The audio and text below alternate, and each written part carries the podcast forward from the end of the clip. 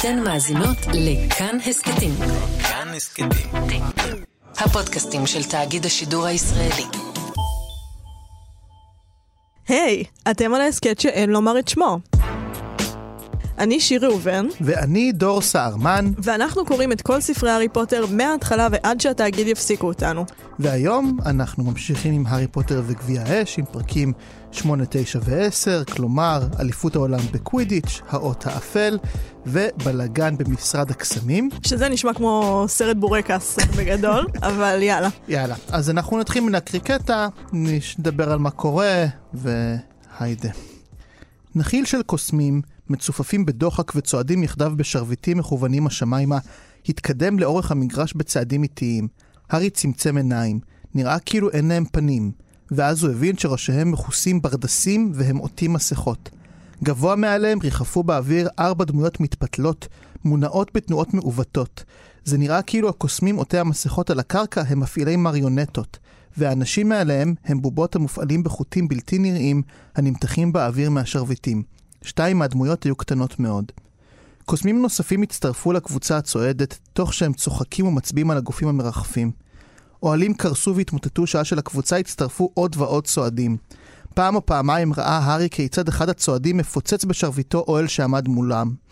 כמה מהאוהלים עלו באש. הצרחות התגברו. פני האנשים המרחפים הוארו פתאום כשחלפו מעל לאוהל בוער, והארי זיהה אחד מהם, מר רוברטס, מנהל האתר. שלושת האחרים יכלו להיות אולי אשתו וילדיו. אחד הצועדים על הקרקע הפך את גברת רוברטס באוויר בעזרת השרביט שלו. כותונת הלילה שלה הופשלה וחשפה תחתונים גדולים. היא התאמצה לכסות את עצמה, בעוד המוני הקוסמים תחתיה צורכים וצועקים מרוב צחוק. זה חולה, מלמל רון, כשצפה בילד המוגל הקטן שהתחיל להסתחרר כמו סביבון 20 מטרים מעל הקרקע, וראשו מיטלטל מצד לצד. זה ממש חולה. זה מזעזע. האם קראנו עכשיו הארי פוטר או קצטניק? אנחנו, זה, זה חייבים כאילו, אני חייבת לסבר שאת הסצנה הזאת, אוקיי. כשהתחלתי את הפרק אה, האות האפל, אה, זכרתי כילדה, אוקיי, האות האפל הוא בשמיים ויש איזה בלאגן שם ממועלים, לא זכרתי את זה.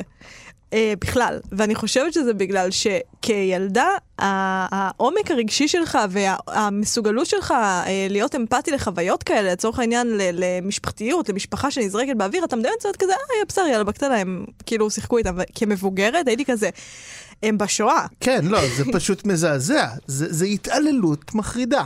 זה התעללות מחרידה, וגם, וגם אנחנו נגיע לזה בהמשך, אבל uh, החלק הבאמת מחריד זה לא, הרי למר רוברטס הם כבר, אנחנו רואים שעושים לו דברים לא בסדר. מוחקים את הזיכרון שלו 20 פעם, משחקים איתו. אבל השבירה של התא המשפחתי, זה שלקחו את כל המשפחה שלו. ורולין גם מתארת פה רגעים אנושיים שכולנו יכולים להזדהות איתם. למשל, השמלה שלה או הכותונת שלה אה, עפה באוויר והיא ניסתה לכסות את עצמה. זה רגע שאתה כזה, אוי, שיטי, כמוני. והילד, וכאילו, וזה ממש ממש ספציפי וקשה לקריאה. וזה תחילת הספר. תחילת הספר הארוך הזה. כאילו, אנחנו עדיין אה, באופוריה של ששת הימים של אה, אליפות העולם בקווידיץ', שאירלנד מנצחת. כן, זה טקסט מאוד מאוד קשה, אנחנו גם נדבר עליו באמת בהרחבה, אבל קשה כל כך להתעלם ממנו. אני שוב אגיד לטובת המאזינים, בגדול מה שקורה בפרקים האלה באמת, זה שמתחילה אליפות העולם בקווידיץ', כן, אה, קרום תופס את הסניץ', אבל אירלנד מנצחת. בהמשך, אה, קבוצה של אוכלי מוות אה, מחליטים באמת להתעלל במוגלגים, במר רוברטס, הורסים את הכל. מישהו מהם משגר את האות האפל. ובעצם תופסים את ווינקי, גמדונת הבית של ברטי קראוץ', עם השרביט של הארי, שאיתו בעצם נעשה אותה אפל, ואחר כך יש באמת בלאגן שלם במשרד הקסמים, ו- וארתור צריך לטפל בכיבויי שרפות כאלה ואחרים. אז אם לעומת הפרקים הקודמים, כן, את קראת לזה באמת פרקי הרדמה, כן, רוני הרדימו אותנו, פה כן. אנחנו בשלושה פרקים גדושים, דרמטיים, מאוד לא נעימים, לא נעימים לטובה, אבל מאוד לא נעימים. כן, אני שמחה על ההרדמה, ואני שמחה, כאילו, האמצעי, האמצעי האומנותי עבד. עכשיו, אבל בואו נתחיל לפני זה. כן, לפני כן. זה יש את אליפות העולם בקווידיץ'. אה, מספרים לנו איך הם עולים למעלה על התאים, יש שם רגע מאוד יפה שהוא אה, מציג, שפאג' מציג את אה, לוציוס מאלפוי לארתור ויזלי, והוא אומר לו, לוציוס תרם הרבה מאוד כסף לבית החולים, שזה תיאור מאוד יפה של איך אנשים עשירים, שאנחנו יודעים בוודאות שהם רעים, תורמים כסף לבית חולים כדי להנציח את השם שלהם, או כדי להתקבל לכל מיני מקומות עם אנשים חשובים וברי השפעה. אני חושבת שבספר הזה, שהוא ספר אמצע, אה, הוא אמצע מהרבה בחינות, אפשר להיכנס לכל אחת ואחת מהן, אבל כרגע הדבר שהכי עלה לי, זה שאפשר לומר ששלושת הפרקים הראשונים הם סדרה בפני עצמה. והסדרה הזאת באמת מסתיימת בספר השלישי, והספר הרביעי הוא סוג של לפחות הפרקים הראשונים שלו, הם מה עושים עכשיו.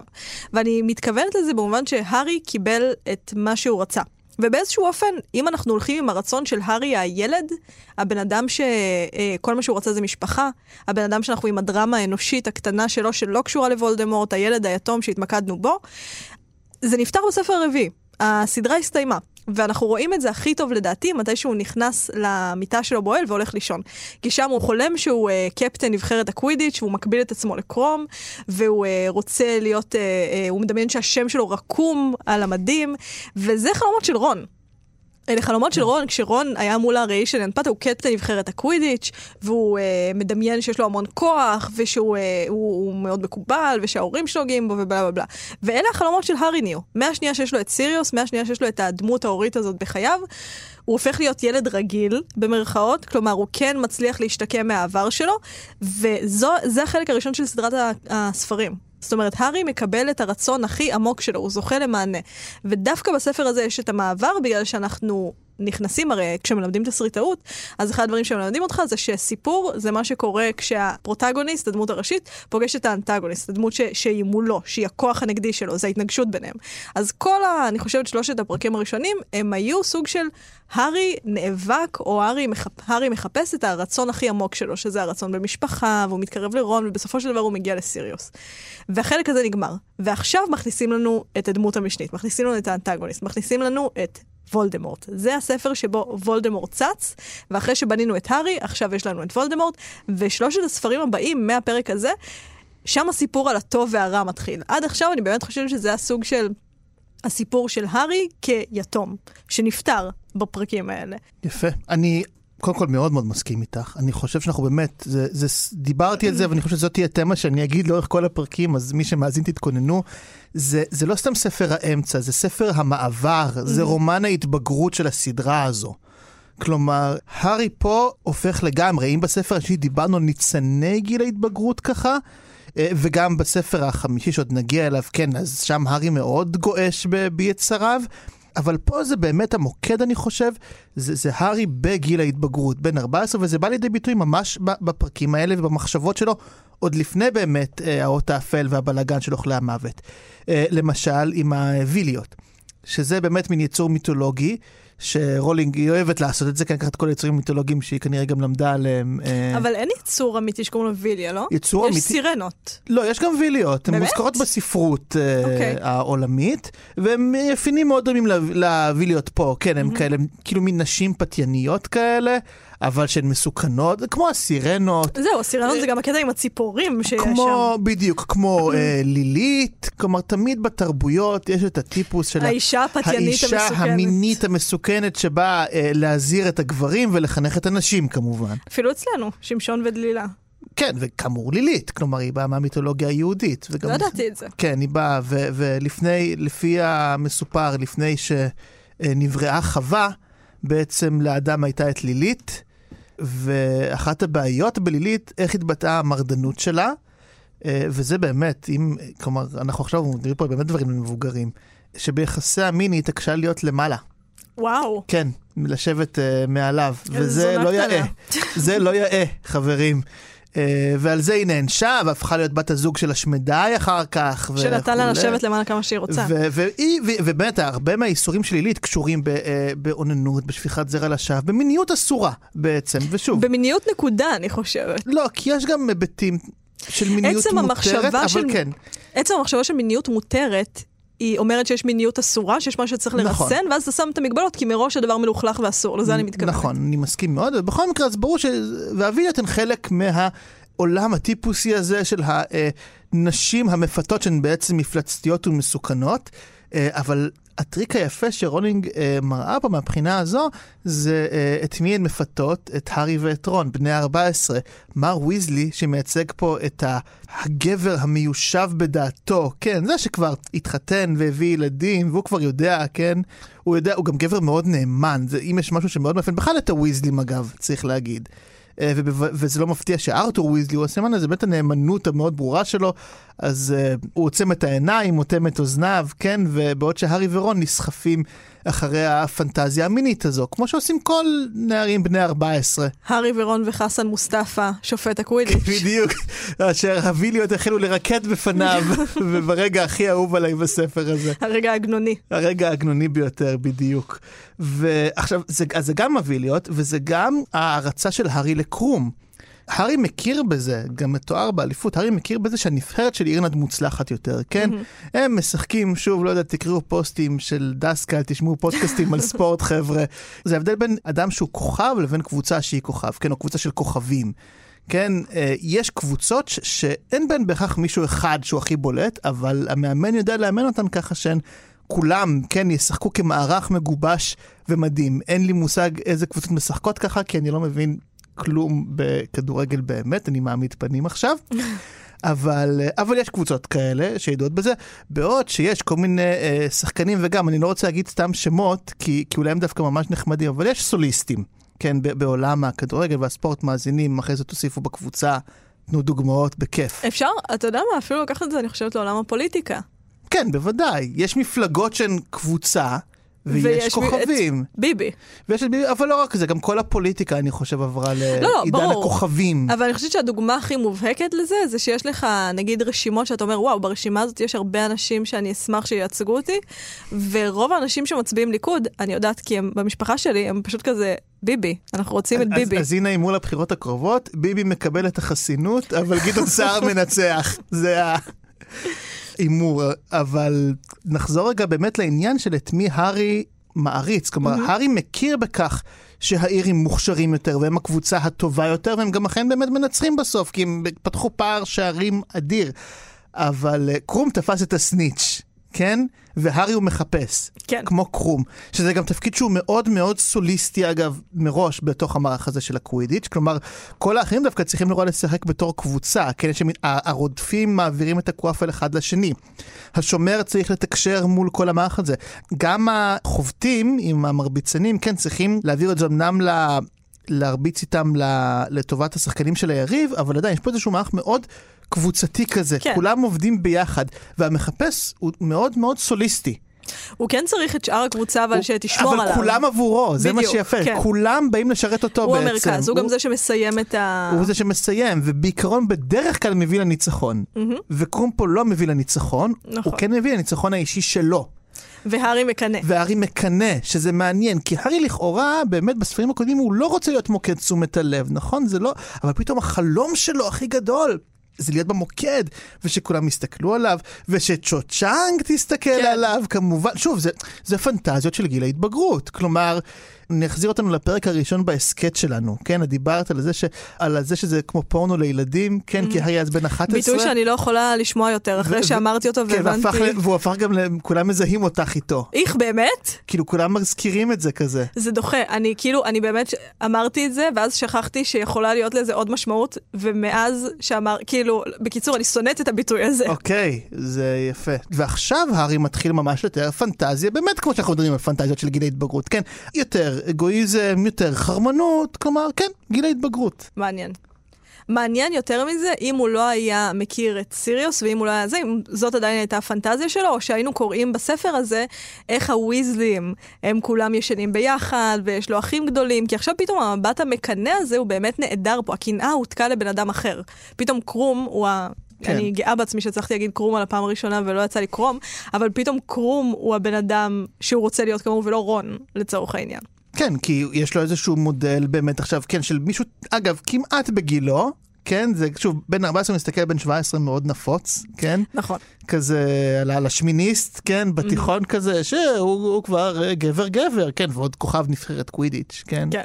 עכשיו, באמת, אנחנו רגע לפני שאוכלי המוות פורצים, ותכף נדבר על זה, באמת מעניין שהדבר האחרון שקורה באמת לפני שאוכלי המוות מגיעים והורסים הכל, זה שהארי נסחף בפנטזיה. כן. כלומר, היא בונה את זה כשיא של האושר, כן, הארי כבר מרשה לעצמו פעם ראשונה לחלום על עצמו כגבר במרכז, אליל של כולם וזה, ואז זה נשבר. אז הספר מתחיל בעצם. לגמרי. אז- לא רק הספר, הסדרה הסדרה- מתחילה. כן, כן, כן, אז רולינג אומרת, אוקיי, אתה בנקודה הזו, מכאן אתה מתחיל את האודיסאה שלך בדיוק. בעצם. אתה אה, נקרא לגורלך, אחרי ש... די להיות ילד הומו יתום.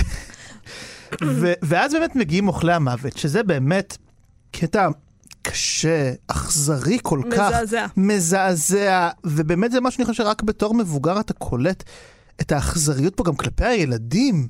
אני לא יודע, והעובדה שזה גם כל כך שרירותי, כלומר אחר כך אתה רואה, זה קטע ממש יפה, שאתה קולט את זה רק בתור מבוגר, שרון לא מבין הרבה דברים, גם הארי קצת לא מבין, ורון כל הזמן שואל את אבא שלו דברים, וארתור מסביר לו בצורה ממש מקסימה וטובה, והוא בעצם מסביר לנו, לנו הקוראים הילדים שלא מבינים מה, הוא, הוא המבוגר שמתווך לנו פה, זה, זה, ואתה רק בתור מבוגר שהוא, לא יודע, קולט את זה, כי רון לא מבין, רון שואל, ואו הארי שואלים, למה הם עשו את זה?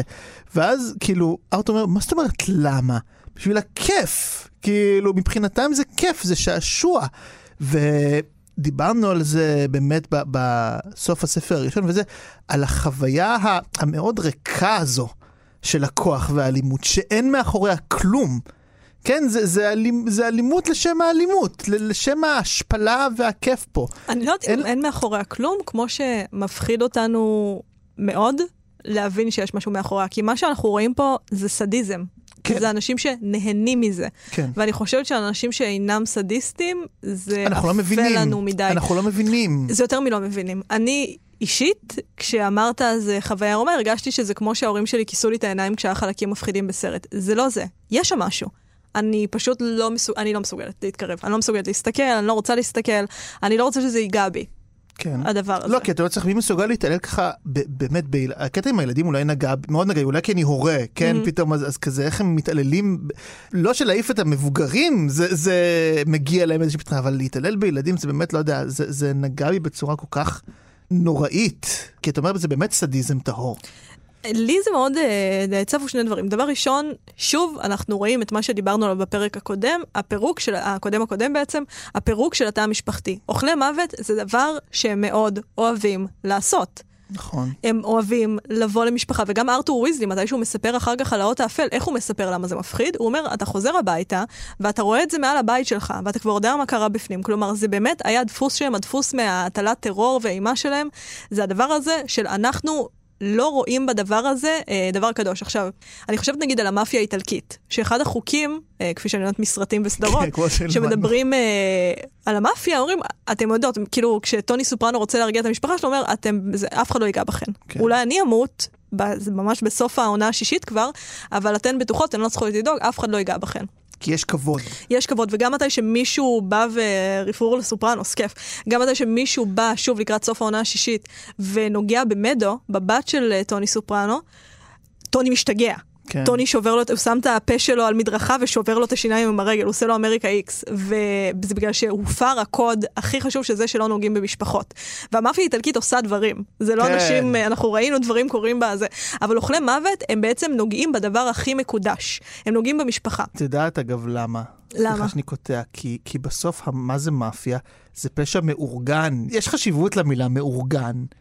יש סדר ויש כללים גם לעולם Mm, הפשע. יפה מאוד. גם עולם הפשע מתנהל לפי אה, קודים, כן? לפחות כמו שמוכרים לנו את זה בהוליווד. מוסר כן? מקביל. יש, כן, יש איזושהי מערכת מקבילה של אה, מוסר, ו- ולאוכלי המוות זה לא פשע, ההפך, זה פשע כאוטי. בדיוק, והפשע הוא הכאוטיות גם, וזה יפה גם כי בסרטים, זה מדהים שכל מה שאנחנו יודעים על המאפיה, אנחנו מדברים נורא גבוה, ואני חושבת כל הרפרנסים שלי זה סרטים וסדרות, אבל אני מאמינה להם, בגלל שמי שעושה אותם זה איטלקים אמריקאים שזה סביר להניח נוגע להם. הם תמיד מראים לך איך האנשים האלה הגיעו לפשע המאורגן ממצוקה.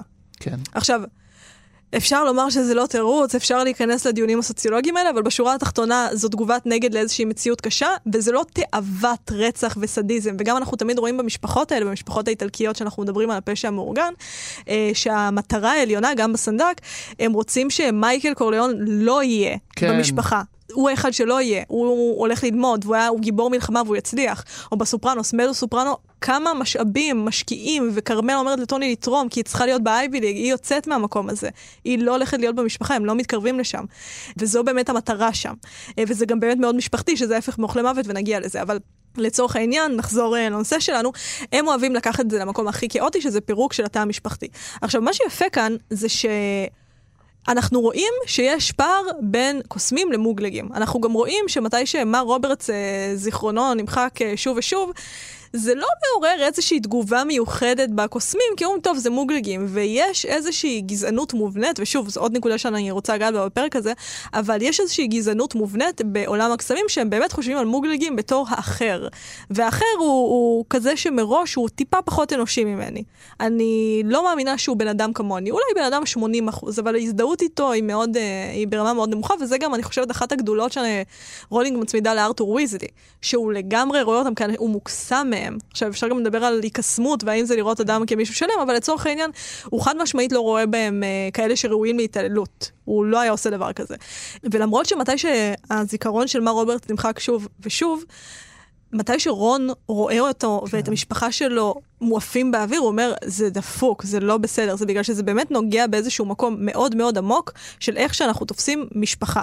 ומשפחה זה דבר שהוא אוניברסלי. הוא לא קשור לקוסמים, הוא לא קשור לצבע עור, הוא לא קשור לגזע, הוא לא קשור לדת, זה, זה, זה נוגע לך בבטן הרכה.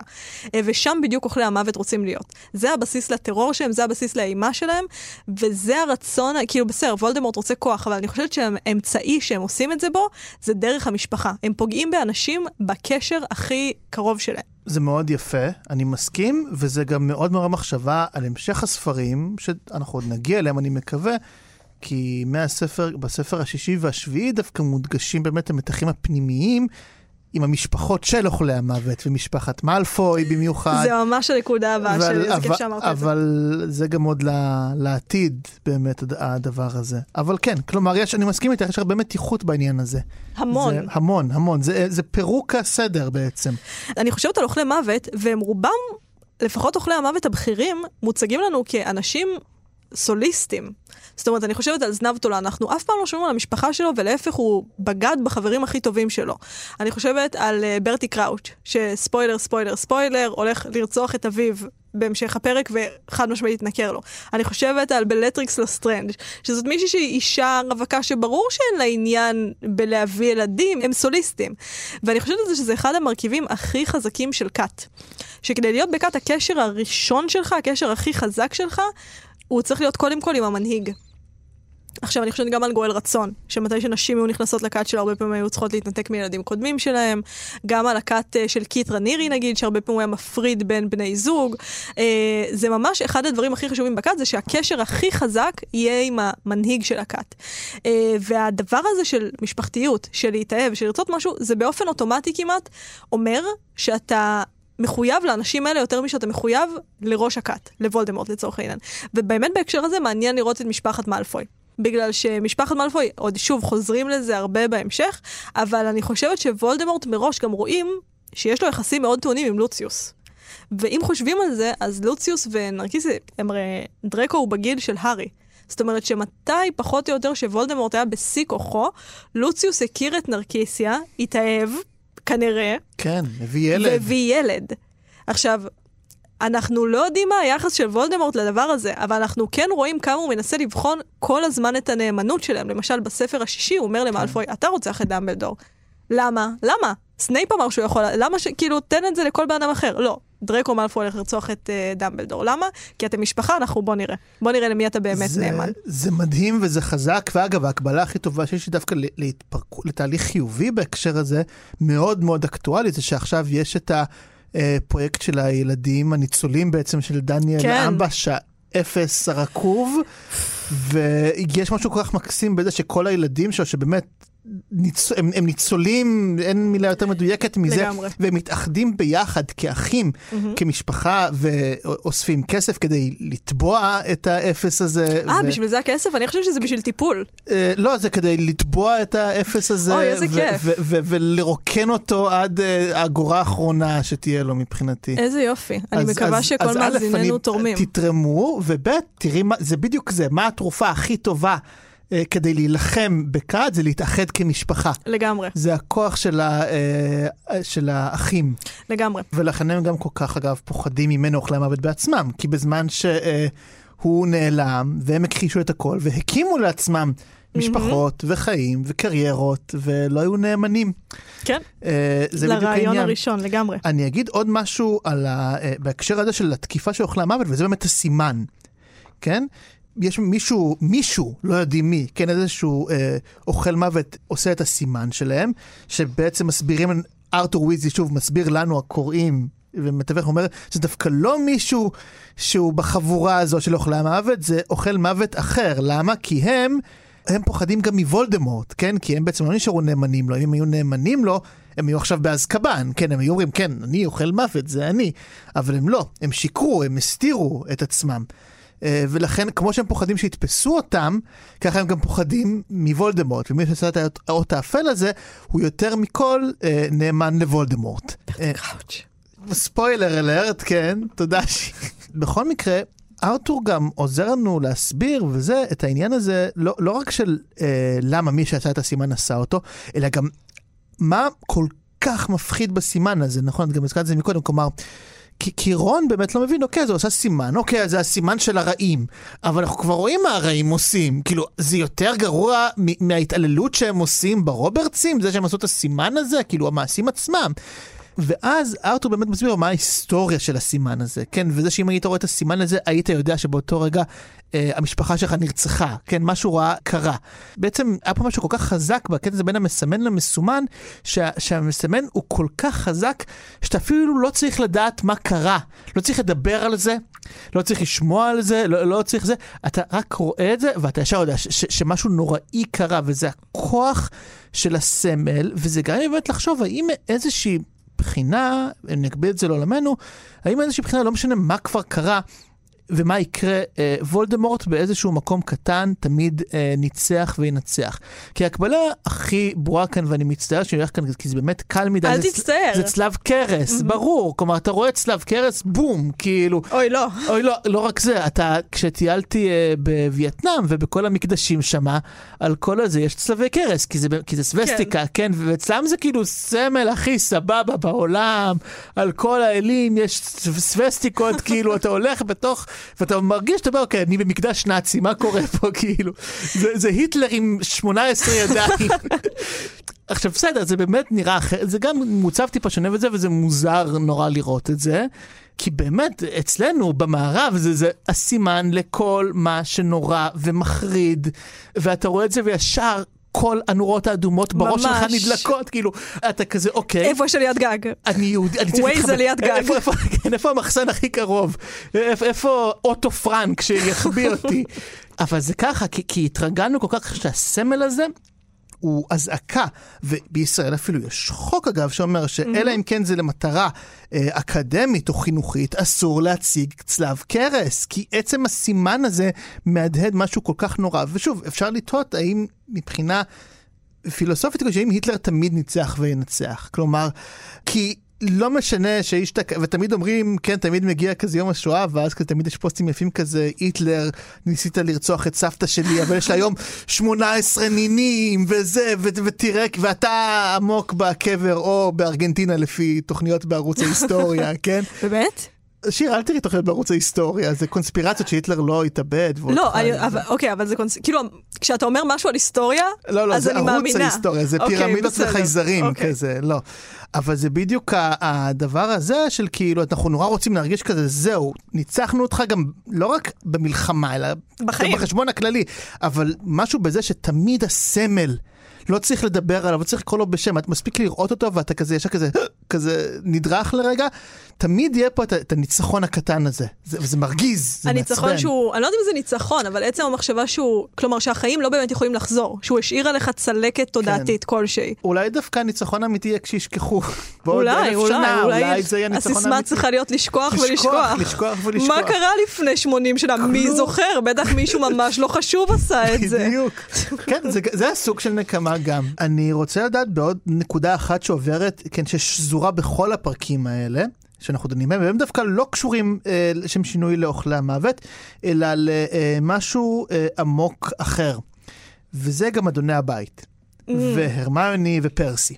האסופת פרקים הזו בכלל מתחילה עם ווינקי. נכון, אנחנו מכירים נכון. את ווינקי, שהיא בעצם הגמדונת של אה, קראוץ', ואנחנו עומדים פה על משהו פתאום נורא חשוב על גם אדוני הבית בפעם מהספר השני, כי בספר השני חשבנו, אוקיי, דובי הוא אומלל, למה הוא אומלל? כי הבעלים שלו זה לוציוס מאלפוי, שהוא אדם רשע ואפל ו- וכנראה משרת של וולדמורט, אז ברור שדובי הוא אומלל. ופה רוניג אומרת לנו, לא, זה לא רק דובי ולוציוס מאלפוי, יש כאן איזה שהם יחסי כוח מהותיים של כל האנשים שיש להם גם אדוני בית בעצם, מתייחסים די רע. כן, ברטי קראוץ' הוא לא אדם אפל משום בחינה, כן, הוא ממש אומר בפרקים האלה, אני יודע כמה אני מתעב את אומנויות האופל, אבל היחס שלו לווינקי הוא לא יחס הרבה יותר טוב מהלחץ ש... כן. של אה, לוציוס לדובי, כן? האם יש עבדות מוסרית? עכשיו, זה, הוא באמת מתייחס אליה בצורה רעה, הוא אכזרי וקר כלפיה, וזה חלק באמת מה... מה שקורה מאוד מאוד בספר הזה, ובזה שוב הוא שונה מאוד, כי הספר הראשון, השני והשלישי, היה מאוד מאוד ברור מי הטובים ומי הרעים. כלומר, היה ברור גם שכל מי שהוא טוב, אז הוא טוב לגמרי. כל מי שהוא רע, אז הוא רע לגמרי, כן? נכון שהוא לפעמים מהפכים, נכון, תום רידל הוא לא טוב, הוא רע. סיריוס הוא לא רע, הוא טוב. אבל זה היה מעברים בין הצדדים. כלומר, זה היה מעבר בינארי ומוחלט. או שאתה טוב לגמרי, או שאתה רע לגמרי. כבר פה, בספר הרביעי, יש לנו אדם שאין ספק שהוא שונא את אומנויות האופל לגמרי, כן, ברטי קראוץ', אבל הוא לא טיפוס כזה טוב, כאילו לא. היחס שלו לגמדונת שלו הוא, הוא די אכזרי והוא די נורא, ואז עולה גם משהו ממש ממש מעניין, באמת בעימות של הרמיוני מול פרסי. סביב אה, אה, ווינקי. כי הרמיוני פתאום מזועזעת מהיחס לווינקי, היא לא מבינה, היא גם, כן, כשיש את החקירה הנוראית שכולם צועקים על ווינקי וחוקרים אותה וזה, הרמיוני, שהיא כולה, כן, נערה בת 14, כן, מול אגב חבורה מאוד גברית, מזה שמבוגרים וגדולים ממנה הם גם אה, גברים, והיא היחידה ש... אה, כן, שאני מזכיר, הרמיוני היא צדק צדק תרדוף. היא דורשת את הצדק לווינקי, זה בוער בה בעצמות, ואז היא פתאום מבינה, רגע, יש פה איזשהו מערך שלם נופל האסימון, יש פה מערך שלם שלא הכרתי, ולא הבנתי עד כמה הוא דפוק. ואז היא מתעמתת מול פרסי. וזה קטע שרולינג אומרת שגם כולם נורא נורא מופתעים. כי אם היה בן אדם אחד בכל החבורה הזו שהסתדר עם פרסי, זו הרמיוני. למה? כי שוב, בספרים הראשונים יש לנו חלוקה מוחלטת בין הטוב לבין הרע, וברור לנו לגמרי שגם פרסי וגם אה, הרמיוני הם בצד הטוב, אז גם יש ביניהם עוד קווי דמיון, כמו למשל אה, אה, הערכה לחוק. נכון, גם פרסי וגם הרמיוני אוהבים מאוד חוק וסדר, אבל בספר הרביעי אנחנו פתאום מבינים שהמוטיבציות שלהם סביב הציות לחוק אה, הוא קצת שונה. כי העמדה של פרסי, אני חושב, היא עמדה עקרונית שהחוק הכתוב תמיד יבטא את הדבר המוסרי והצודק, אוקיי? אין מצב שמשהו הוא בחוק ושהוא לא נכון, והוא לא מוסרי אה, וזה. מהבחינה הזו הוא הרבה יותר שמרן בתפיסה שלו. בעוד שהרמיוני, ברור שהיא מאוד מעריכה את, את, היא אוהבת, כן, את החוק, והיא חושבת שחשוב מאוד שנשמור על חוקים. זה הופך את ה... עוזר לנו גם לבטא, כן, אה, עולם יותר מסודר, אבל עמוק, עמוק, עמוק, התפיסה של הרמיוני היא שיש מוסר שהוא מעבר לחוק. שהחוק לא תמיד במאה אחוז יבטא את כל מה שמוסרי ונכון, ולפיכך צריך גם לפעול כדי לשנות אותו. כלומר, אם העמדה העקרונית של פרסי היא הרבה יותר שמרנית כלפי העולם, העמדה העקרונית של הרמני למרות הכל היא הרבה יותר פרוגרסיבית, mm-hmm. כן? היא מאמינה שיש איזשהו מוסר עקרוני מעבר לחוק, וצריך לעדכן את החוק בהתאם אליו. כן, לא צריך להיות אה, אולי אה, פורע חוק אה, משוגע, אבל יש איזושהי עמדה שיש מוסר מעבר. ו- וזה שתי עמדות מאוד שונות מבחינה העקרונית שלהן, ולכן פתאום פה, כשיש את העימות הזה סביב אה, גם אדוני הבית, אז פתאום אנחנו רואים את העימות בין השמרן לבין הפרוגרסיבית, וזה mm-hmm. מאוד לא מפתיע אגב, שזה יוצא סביב הסוגיה הכי רגישה ונפיצה בעולמנו, שהיא יחסי גזע. Mm-hmm.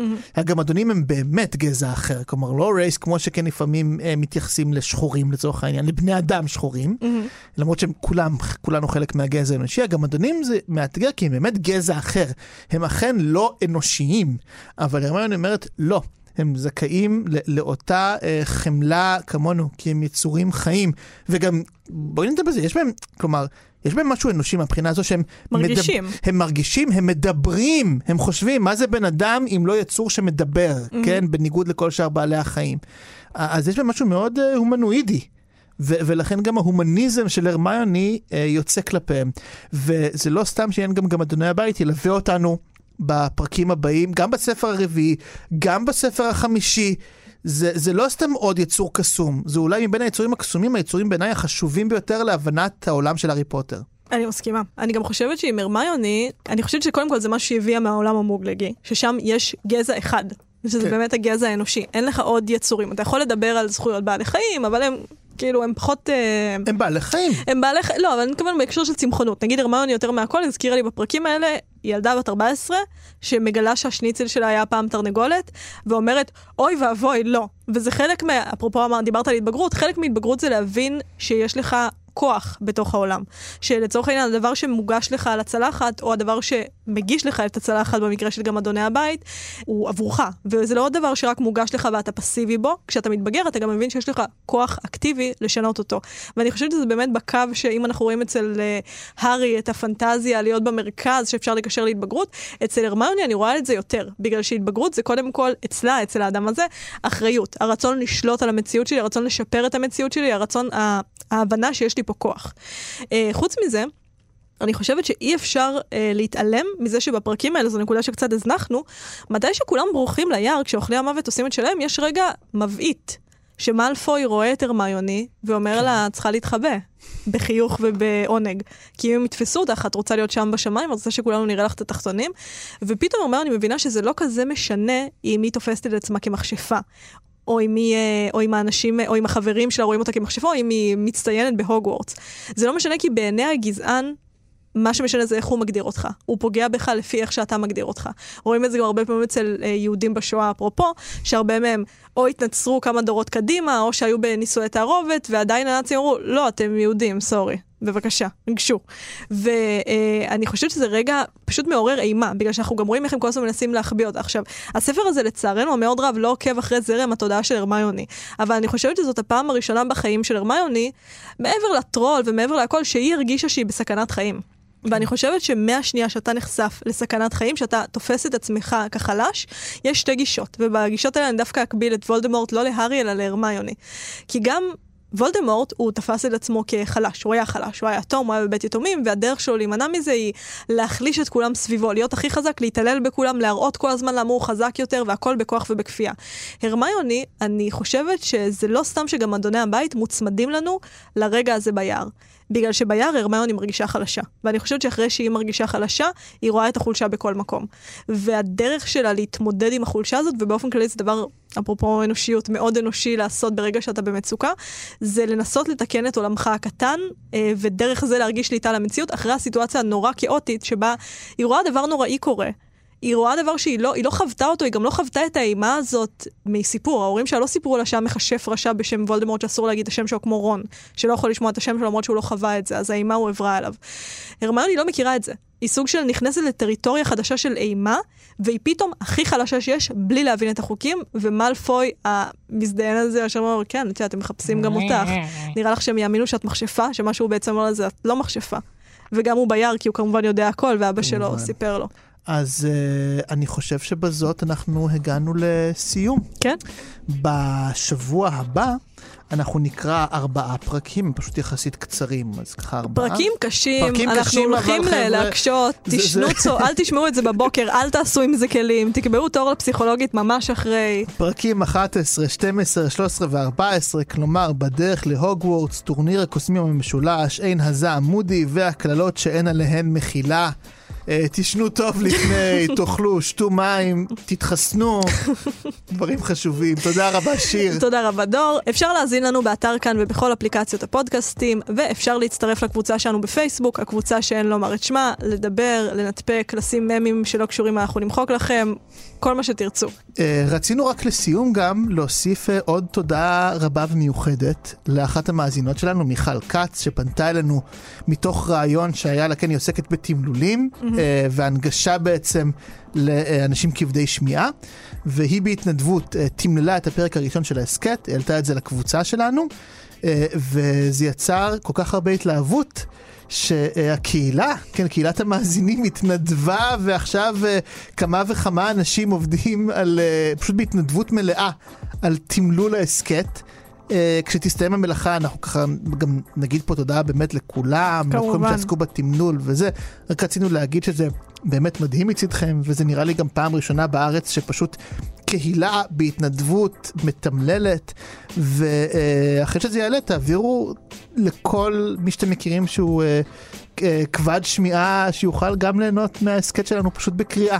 לגמרי, אז תודה רבה, תודה ואני רבה. גם אה, אישית רוצה להתנצל על כל המקומות שהאדיקציה שלי גרועה בהם, ועל כל פעם שאתם צריכים לתמלל רעשי לעיסה. אז סליחה. ותודה שוב. ואני רוצה לומר תודה רבה לירדן מרציאנו שהפיקה וערכה אותנו, תודה.